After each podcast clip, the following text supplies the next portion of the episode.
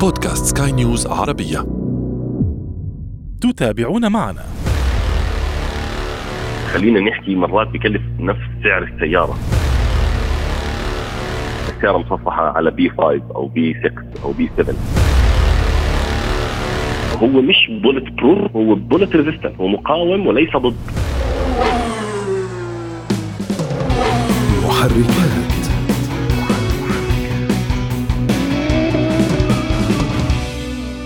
كم مرة شاهدت مركبة مصفحة في الأخبار أو في الأفلام وتساءلت هل لي أن أحصل على مثلها؟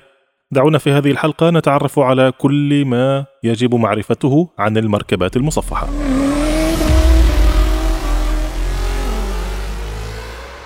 أهلا بكم. أنا أشرف فارس وأصحابكم في حلقة جديدة من برنامج محركات حيث نهتم بتقوية ثقافة المركبات لديكم. موضوعنا اليوم عن السيارات المصفحة طبعا. لا تقل لي عزيزي المستمع أنك لم تفكر ولو لمرة في تفاصيل مركبات الرؤساء التي تراها على الشاشات. هذه المركبات التي لا يستخدمها سوى من يخافون على أنفسهم، غالبا هم سياسيون أو من كبار رجال الأعمال أو من تنطوي حياتهم على نوع من المخاطرة ولديهم طبعا الملاءة المالية اللازمة لتحمل تكاليف هذا النوع من الحماية الأمنية.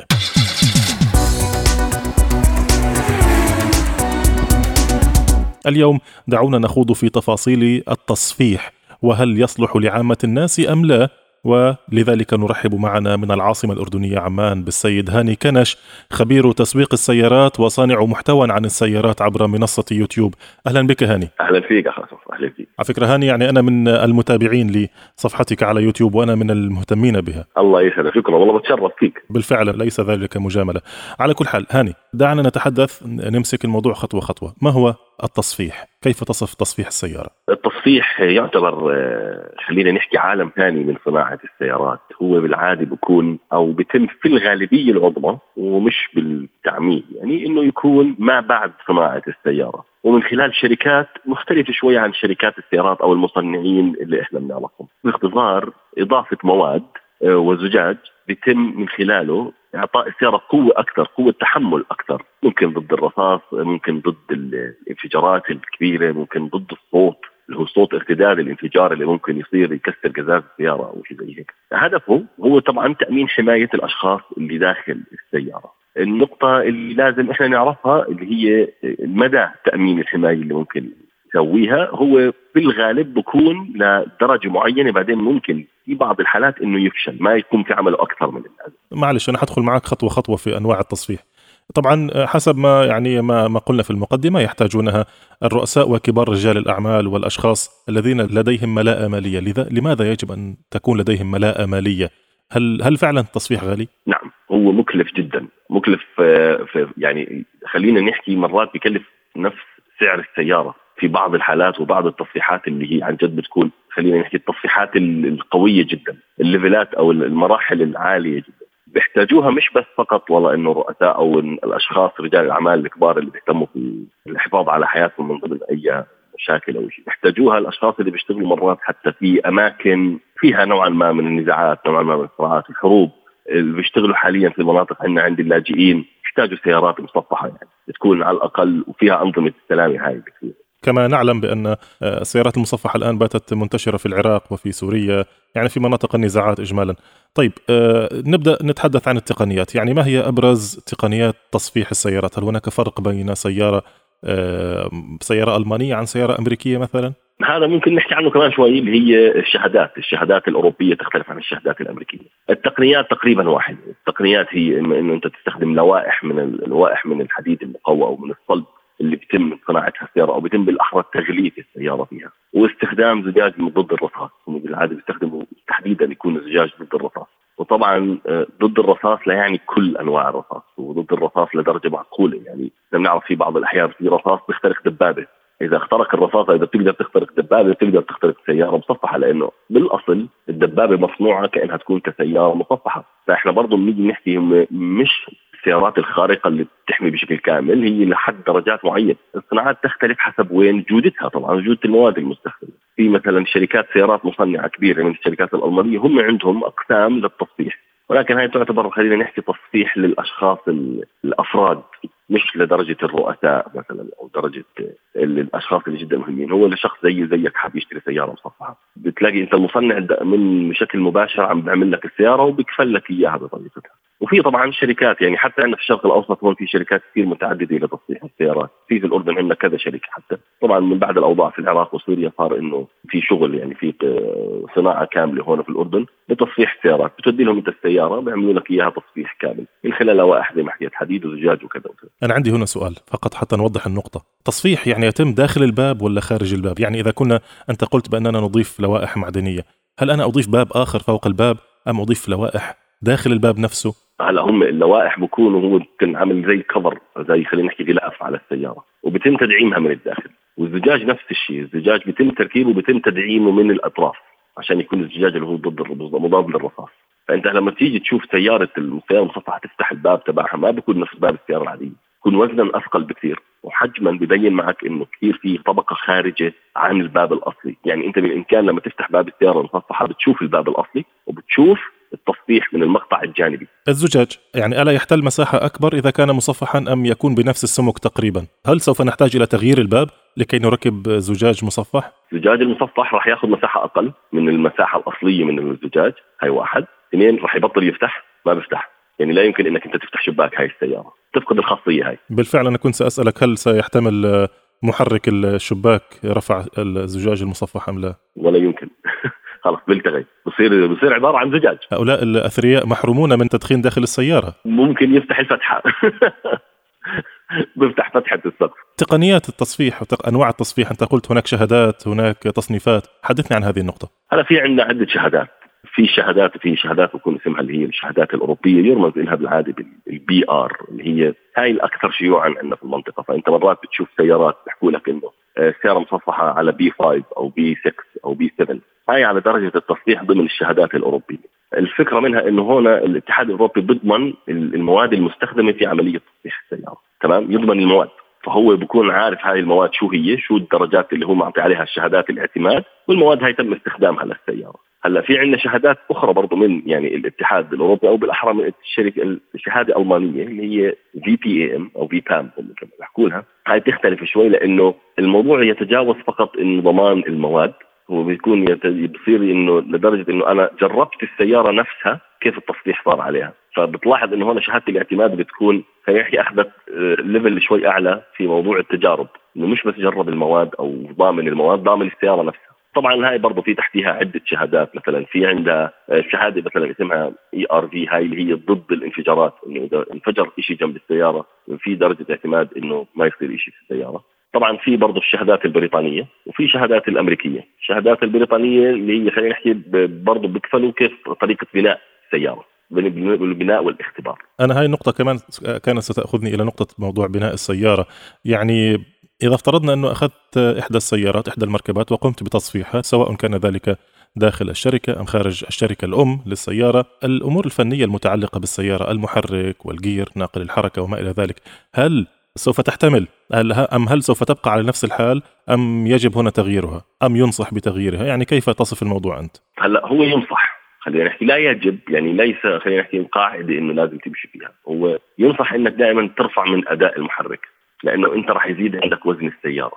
فبالعادة الأشخاص اللي بيختاروا السيارات اللي بيتم تصفيحها بيختاروا الفئة الأعلى والمحرك الأكبر. يعني إذا السيارة كان منها مثلا محرك في قوة 250 حصان وفي إنها فئة بقوة 500 حصان بيختاروا الفئة ال 500 حصان لأنها راح تكون أفضل للسيارة إنها تشيل الوزن الزايد عليها. إنه هذا وزن ممكن يوصل إنه زيادة نصف وزن المركب الاصلي الأفضل إنك أنت تزيد من ترفع من القدرة أو القوة تبعت السيارة قوة المحرك تبع السيارة عشان تاخذ أداء أحسن. عدا عن ذلك راح السيارة تصير تمشي ببطء يعني راح تحس باهتلاك السيارة وهي ماشية. غير هيك طبعا المشاكل راح تؤدي على إنه تصير على المحرك بعد فترات لأنه المحرك عم ببذل مجهود كبير ليشيل كل هذا الوزن. يعني مبدئيا نستنتج إنه اللي بده يصفح سيارة مش سائل في استهلاك البنزين. هي 100% أه، سؤالي هنا النتائج المرجوة الآن بعد التصفيح. أنت قلت عن أه، بعض الشركات التي تضمن مراحل معينة من الحماية ضد الرصاص ضد القنابل ضد التفجيرات أسفل المركبة إلى جانب المركبة. دعنا نمسك موضوع الزجاج كأبسط الأمور أمامي. هل إذا تعرض هذا الزجاج إلى طلقة أو إلى ضربة أو إلى محاولة ركل أو إلى محاولة اعتداء بأداة ثقيلة وحادة مثل فأس مثلا هل سوف لن يخدش أم سوف يخدش أم سوف ينكسر دون أن يتهشم؟ يعني ما هو الرد المتوقع هنا من الزجاج على سبيل المثال؟ هلا أكيد رح يصير عليه تأثير. هلا مثلا إذا ضربته بفأس رح يكون في خدش خفيف. إذا ضربته في مثلا خلينا نحكي حديدة أو مطرقة مثلا ممكن ما يأثر يكون بس في هيك خدش كثير خفيف. الطلقة رح تعمل أثر. الطلقة بتعمل أثر واضح فيه. يعني إذا بتضرب أنت أكثر من طلقة في نفس المكان خلص أنت ضعفت المكان هذا كليا. هو مش bulletproof هو bullet resistance هو مقاوم وليس ضد. تحديدا الزجاج مش bulletproof هو bullet resistance المقاومة إنه بضل يقاوم لدرجة معينة بعدين خلص راح يفشل. في لحظة من اللحظات خلص راح يفشل. يعني هو أنت ما برضه ما بصيرش تكون واقف ويبلش يرش يمين بشمال إلا ما يفشل في لحظة من اللحظات. هذه المواقف تحدث. طيب آه، بعيدا عن هذه المواقف لو افترضنا مثلا آه، عميل طلب تصفيح منطقة دون أخرى. يعني قال أريد تصفيح الزجاج دونا عن جسم المركبة أو العكس. هل هذا الكلام ممكن وقابل للتنفيذ؟ أم لا يعني صفحت وصفحت لازم تغير تصميم المركبة بالكامل الخارجي. هو لازم الكامل لازم بشكل كامل لأنه هلأ المواد اللي عم تستخدم السيارات فيها الصناعة السيارة العادية السيارات الإنتاجية هي مواد خفيفة. يعني إنت إذا صفحت الزجاج إنه يصير مقاوم للرصاص الباب راح يضل غير مقاوم. الرصاصة بسهولة تخترق الباب بسهولة كثير. ما في زي سيارات زمان على الأقل إنه حديد لا هو ألمنيوم مرات ممكن carbon fiber فعليه انت لازم تصفح السياره بشكل كامل لا يجوز الزجاج فقط عن دون كذا. بعدين إذا صفحت الزجاج الأبواب اللي عندك بالاصل ما راح تستحمل قوة الزجاج. الأبواب أنا حكيت حكينا قبل شوي إنه لازم يتم تدعيمها ويحط الغلاف عليها تستحمل الزجاج. فهي تركيبة واحدة بدها تكون. طيب أنا عندي هنا سؤال. الأجزاء الحيوية الأخرى في المركبة يعني على سبيل المثال فصالات الأبواب آه، على سبيل المثال أيضا آه، أقفال الأبواب. آه، أنت ذكرت في خضم حديثك عن محرك الزجاج أنه سوف يلغى الذي يرفع ويهبط الزجاج. ماذا عن باقي التفاصيل الزوايا الحيوية الأخرى؟ كيف يتم التعامل معها هنا؟ إذا كان في أي جزء أو أي جزء حيوي ممكن يسبب خلل في عملية مثلا فتح الباب مثلا فصالة الباب ما عم بتشيل وزن الباب بتم تدعيمها أو بتم تركيب فصالة تستحمل الوزن الأكبر. في اغلب الحالات السيارات هاي بتكون برضه مدعمة بماسطات يعني زي زي السنوبرتات خلينا نحكي بكون في على الباب تساعد في فتح الباب. يعني أنا عن نفسي جربت مرة أكون في سيارة مصفحة من شركة يعني طالعة من شركة ألمانية واستغربت من درجة ال ال الأشياء المساعدة للباب إنه يفتح الباب يفتح ويسكر لأنه بوزن الباب أنت ما تقدر حتى إنك تفتحه بشكل فردي بطريقة سريعة راح تضطر مجهود كبير إنك تفتح هذا الباب وتسكره فهو بيتم تعديل كل شيء. هذا تعديل كامل بده يتم السياره إنها تظل فعالة. يعني هذا هذا بالضبط ما كان يأخذني إلى إلى النقطة التالية. يعني حتى يعني فصلات الأبواب موصولة بالشمعة الرئيسية التي تحمل الباب. تمام؟ هذه الشمعة أيضا إن لم تحتمل وزن الباب الجديد يعني سوف يحتاجون إلى تدعيمها بطريقة أو بأخرى. تدعيم وتعديل. القاعدة من تحت الشاصي هل يتم تدعيمه هو الآخر؟ الشاصي بالغالب لا. كيف يدعمون السيارة من الأسفل إذا؟ كيف يحمونها من الألغام الأرضية؟ ممكن يتم وضع اللي هم خلينا إحنا بنسميهم سترات بار أو هم عواميد للدعم. عواميد بنحطوا ما بين الشاصي. بس الشاصي نفسه إنه يتم تدعيم الشاصي نفسه ما بيقدروا. لأنه الشاصي هو ثابت زي ما طلع من الشركة. ممكن تخفف الشاصي بس مش ممكن تدعمه أنت بتثبته فيه في بعض خلينا نحكي هذول العواميد اللي ممكن يكونوا موجودين يحموه إنه من البدي ما ي... إنه ما يصفي إنه جسم المركبه ينهار على الشاصي نفسه. فبدهم يثبتوا هم جسم المركبه على الشاصي والشاصي اداؤه هو راح يضل ثابت واحد. راح يستحمل وزن. أعطيك مثال اخ أشرف. لما إحنا مثلا ركبنا سيارة من سبع مقاعد ركبنا فيها سبع أشخاص. وزن الواحد تقريبا 60 كيلو. فإحنا شوف قديش حاطين وزن زيادة. سيارة مصفحة ممكن تاخذ هذا الوزن بس بدها تضل بشكل دائم. عرفت كيف؟ هي هيك بس اللهم بصير يركبها اثنين. بس مش سبعة راح يضلوا راكبينها. بس بشكل دائم. برضه عندنا كمان سيارات اللي هم سيارات البلجن هايبريد نفس شكل السيارة تم إضافة بطارية عليه. سيارة ماشية بزيادة وزن تقريبا 250 300 كيلو. فما تغير الشخصي في الموضوع مع إنهم ضافوا وزن. الشخصي راح يضل هو هو. أما الأشياء المساعدة اللي حواليها ممكن كلها يتم تعديلها نعم. هو فعليا شوف لو تنظر إلى صناعة السيارات في هذه الناحية تحديدا آه، قاعات السيارات هي هي فعليا تحتمل أوزان كثيرة. يعني أنت لو تلاحظ الكثير من الناس في بعض الدول ربما يسيئون استخدام سياراتهم بأنهم يحملونها أكثر من طاقتها. يعني أنت بتشوف سيارة أربع ركاب ومحملين فيها مثلا سبعة أو ثمان ركاب بتصير. ف... وبتتحمل السيارة وبتمشي عادي وبتعيش وشغالة وما أحلاها يعني. فهي حتى ال... ال... السنوبرسات أو ممتص الصدمات كله برضه شغال بتحمل. النقطة التالية هل الصيانة هنا سوف تختلف أم سوف تبقى كما هي؟ يعني أنا سيارتي مصفحة اشتريت سيارة من شركة سين صفحت الحديد صفحت الزجاج آه، عملت حادث بسيط انكسر معي الإضاءة الأمامية على سبيل المثال أو احتجت إلى صيانة السيارة في مرحلة معينة. هل هناك اختلاف بالصيانة أم سوف أذهب بها إلى الشخص العادي الذي يمكن أن يقوم بصيانة نفس السيارة العادية؟ هلا يعني ميكانيكية عادي. ما في عندنا أي اختلاف. خلينا نحكي تبديل الزيت تبديل البواجي تبديل الصيانة الاعتمادية الصيانة الدورية. ما في أي اختلاف نهائي. هلا لا سمح الله الواحد عمل حادث مثلا. صار في ضرر على المركبة. هون بدك ترجع للشركة اللي قاموا لك بالتصليح عشان راح يتم تبديل هذا الجزء مش تصليحه بده يتم تبديله لأنه في اللحظة اللي صار عليه أي ضرر فقد قوته. أنت بتعرف هاي الأشياء بالهندسة بتكون هي معمولة كجزء كامل مبني على إنه يكون قوي بهذا الشكل. أي ضرر عليه راح يفقد كل هاي القوة. وهذا بنلاحظه حتى بالسيارات الجديدة من بعد الحوادث يعني. ممكن تشوف واحد عمل حادث أول مرة بسيارة كان الضرر عليها كثير قليل. صلحها. تصليح عادي. راح عمل حادث ثاني صار الضرر كثير كبير. مع إنه الحادث يكون نفس الحادث الأول بس ليش؟ لأن السيارة فقدت أو الحديد المواد المصنوعة منه فقد قوته في الحادث الأول بعدين تم تصليحه. أو بالأحرى كان مليان معجون بالأحرى يعني. بالضبط. هلا السيارات المصفحه لا لازم ترجع على الشركة اللي قامت في التصليح. خطر في بالي أيضا سؤال آخر.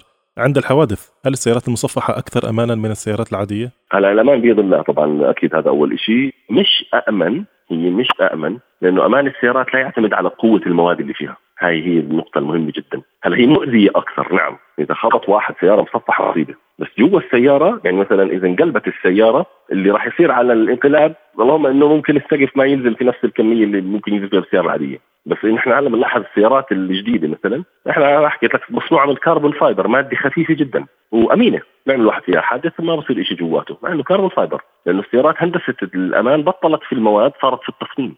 شو التصميم؟ كيف كيف يمتص الصدمة التصميم؟ طبعا مع حزام الأمان والوسائد الهوائية وين موضوع وين يكون موجود أساسا السائق شو يصير في كل هاي الأشياء. أنا آخر نقطة سوف أعود معك لنقطة أنت ذكرتها في بداية الحلقة. قلت بأن تكلفة التصفيح قد توازي سعر السيارة نفسه.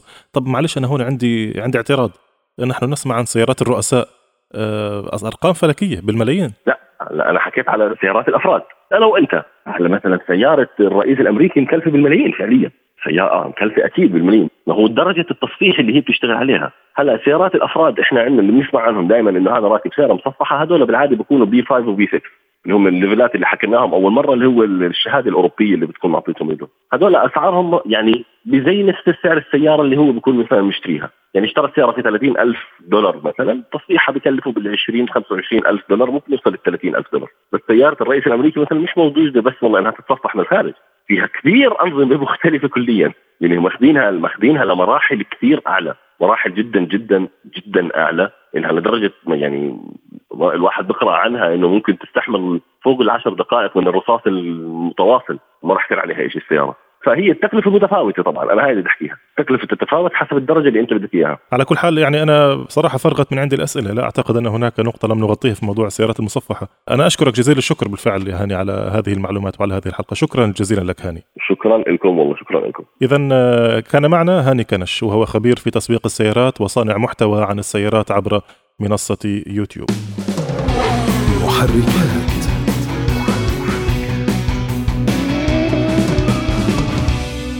وأنتم مستمعين الكرام إذا حاز هذا البودكاست على استحسانكم يرجى منكم إعطاءه التقييم المناسب ونحثكم دائما بالمناسبة على متابعتنا عبر منصة جوجل وعلى عبر أيضا منصة أبل حيث بإمكانكم من خلال هذه المنصات تقييمنا بالنجوم أو ترك التعليقات أسفل البودكاست. من خلال التعليقات يمكن أن نستمع إلى آرائكم دائما وأن نقوم بالتحسينات التي آه، تطلبونها أو ترتؤونها كان معي في هذا العمل في الإخراج الفني إيدي طبيب. في الإعداد والتقديم كنت معكم محدثكم أنا أشرف فارس. مرة أخرى نشكركم على حسن المتابعة. دمتم دائما وأبدا. في أمان الله. مع السلامة. محركات.